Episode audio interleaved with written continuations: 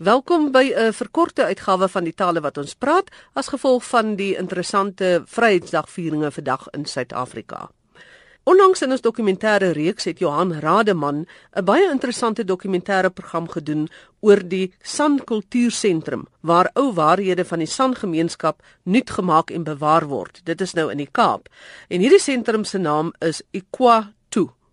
Ons gaan vandag hoor hoe Johan gesels het met een van die San jongelinge oor die verskillende San tale. Maar voordat ons daarby kom, kom ons luister net eers wat beteken Kwatu. Kwatu beteken watergat. In Kam is dit geskryf en uh dit is ook in die taal dieselfde taal geskryf wat ons lands uh emblem of wat hoe jy dit noem geskryf is. Daai ikara eke is geskrywe in hierdie selfde taal wat ek nou genoem het die Kam. Nou terwyl ons nou vandag Vryheidsdag en 20 jaar van demokrasie vier, wonder ek hoeveel van ons kan die lese op ons landswapen baie deeglik uitspreek en hoeveel van ons weet wat dit beteken. Johan Rademan het in hierdie dokumentêre program gesels met Andrei Valboy oor die verskillende santale. Hier is Valboy aan die woord. My naam is Ngwisi. Dit is nou my sannaam. In Afrikaans beteken Ngwisi eintlik uh neusie my naam wat Kwatu se mense en bestuur my nou noem is Andre en dit is ook die naam wat jy op my ID boek gaan kry. Uh Johan, weet jy die San mense is eintlik 'n baie breë gemeenskap wat versprei is in Suidelike Afrika. Nou ek wil jou 'n bietjie vertel oor hulle en oor hulle tale. Daar is verskillende San groepe in Suidelike Afrika. Daar's ongeveer 13 verskillende taalsprekers. Kom ons sal nou begin met die tale soos in die Ju, die noordelike San mense nou. Hulle is die Khum wat jy nou in Kimberley kry. Hulle is oorspronklik van Namibia af gewees, Angola, daarlands was hulle gewees. Dan het jy die Kum wat nou in Namibia steeds is en die Ju Kwansi. Nou Ju Kwansi Hulle daai mense, hulle het hulle eie uh, bewaringsgebied waar hulle hulle eie kultuur kan uitleef. En hulle is ook die groep wat nou vandag nog kan gaan en gaan jag en op die oorspronklike manier van die sanmense. Alhoewel hulle ook maar soos ons vandag klere aantrek as hulle dorpe toe gaan of gaan kos koop en sulke dinge, daar is nie alles in die veld wat hulle in die vroeë jare gekry het nie. Die Kong, hulle is oorspronklik soos ek aan die begin gesê het van Angola. Hulle was ook gebruik in die oorlog van uh, die vroeë 60er jare. Die Portugese het vir hulle gebruik as spoorsnyers. Maar toe die Portugese agterkom, hulle gaan nie die paal maak met die oorlog teen die Swapos nie. Toe het hulle teruggegaan. En toe die San mense nou maar probeer die Kong mense en die Kwe uh, gemeenskappe het hulle nou met die wat hulle gehelp het soos hulle vrouens gekry en hulle familie bymekaar gebring en gebeur nou vlug na Namibia se kant toe. En uh, met die dat die die Suid-Afrikaanse weermag mos nou ook daai kant toe was, het hulle toe nou weer van die manne op daai vlugtog gekry en waar hulle weer gebruik uh, as spoorsnyers en hulle 'n bietjie opgelei en so aan en met die het hulle baie goeie verhouding opgebou deur die jare.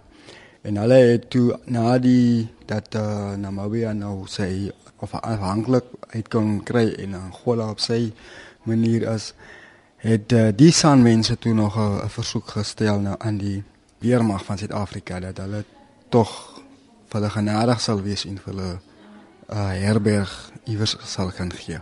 So dat hulle in Suid-Afrika beland. En hulle het vir ongeveer 11 jaar in tente op die army basis in in in uh, Smitsdorp was 'n klein dorpie in, in die Noord-Kaap.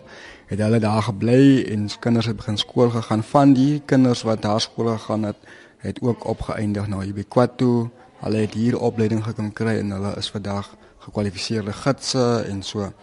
Van die Jutwansi mense was ook al hier by Kwatu gewees om opleiding te kry en hulle is ook van Namibia se gronde. Dan gaan dit na die volgende groep toe wat die Ku uh, familie uh, taalgroep weer is.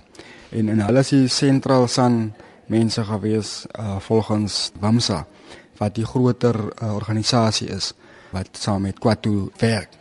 Dan het jy die Kwe wat nou eintlik hulle tale net hier genoem word, die Kwe dam en dan het jy die Kana wat hier in Botswana goed geleerde daar rond is. En uh die Gui, die Naro, die Chua, die Haikom en Itsila. En hierdie mense, hulle het 'n soort van 'n verstanding onder mekaar se tale. So hulle kan mekaar 'n bietjie verstaan, maar die tale is so moeilik. Ons wat nou hier op Kwatu saamwerk. Ons was drie verskillende groepe. Ja, dis nou nog hierdie 15 trainees wat nou ingekom het. Ek weet van nêrens waar hulle af is. Wat se taal wie praat en wat ek moet nog uitvind. Maar dis sal ek onder die knie gekry later. So ons praat Afrikaans met mekaar of Engels. En as ons nou gaan na die ander groepe toe, die Kuita wat uh, ek nou onderval, uh, waar die minderheid van sprekers nog oor is. Dan is ons taal die Ngu taal. Ons is uh, suidelike Afrika sanmense of suidelike sanmense. Dan het ons die Kam, die Kam, hulle is die eerste mense wat hier in die Kaap area in die Kaap geleedere was hulle lewe nie eers meer nie. Baie van ons het die vraag gevra nou waar is die agterkleinkinders da? En ons het toe agtergekom dat hierdie mense nog daar is, maar hulle taal is nie meer daar nie. So hulle het nog nie meer 'n taal nie. En in hulle taal is hierdie plaas se naam geskrywe. Kwatu en Kwatu is vertaal deur my ouma wat uh, sy naam Elsie Valboy is wat die eerste spreker was wat gekry was deur die taalkundige wat in Suid-Afrika gekom het, uh, Nigel Kroll. Hy het my ouma gevind en deur my ouma het hy nog ander sprekers gekry wat die getal gebring het na 26 toe. Vandag is daar 4, 5 wat onder korreksie volgens my nog daar is.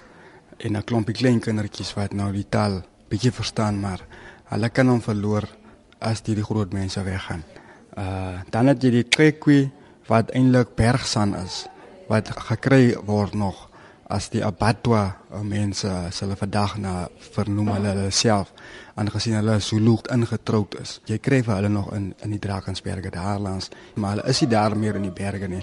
In die lokasie sal jy kry hulle sal vir jou kan sê hulle is Bergsan en nie kyk hoe nie van hulle ken nou nie meer daai naam nie. Hulle het nou die abattoir geërf van die Zulu taal. So dan het jy dit on en dan het jy die Oa wat ook deel is van hierdie selfe taalgroep waaruit ek kom. Soos as ek nou gaan vir jou sê my naam is Andre en nou sal ek vir jou sê Nkakay Andre. En as ek vir jou nou sal vra Johan wat is jou naam sal ek vir jou vra Kakay Gekka. Dit beteken nou wat is jou naam? Dit was dan Andrei Valboy of dan ook Nessie, soos hy homself noem wat gesels het met Johan Rademan. En kom ons luister na 'n ander gelukkige persoon van Platfontein wat praat oor sy taal en musiek. Ook is so my regte naam is Diga en ek is oorspronklik van Kimberley en die gemeenskap waarvan dan ek kom is Groen en die taal wat ons praat is Tali. Ons mense is oorspronklik van Angola, Namibië en toe in um, Suid-Afrika en hulle bly in die Noord-Kaap en Kimberley wat genoem Platfontein. My naam beteken 'n uh, gelukkige persoon. Ek is altyd um gelukkig. So diga beteken wanneer jy friendly is. Chi demang ekro, chi demang ekro. Ah,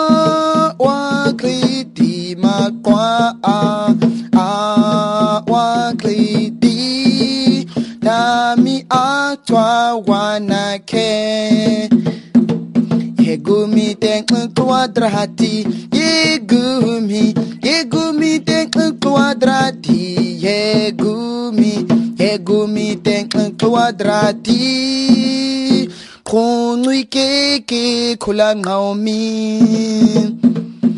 gaxekaha ochikunchide tami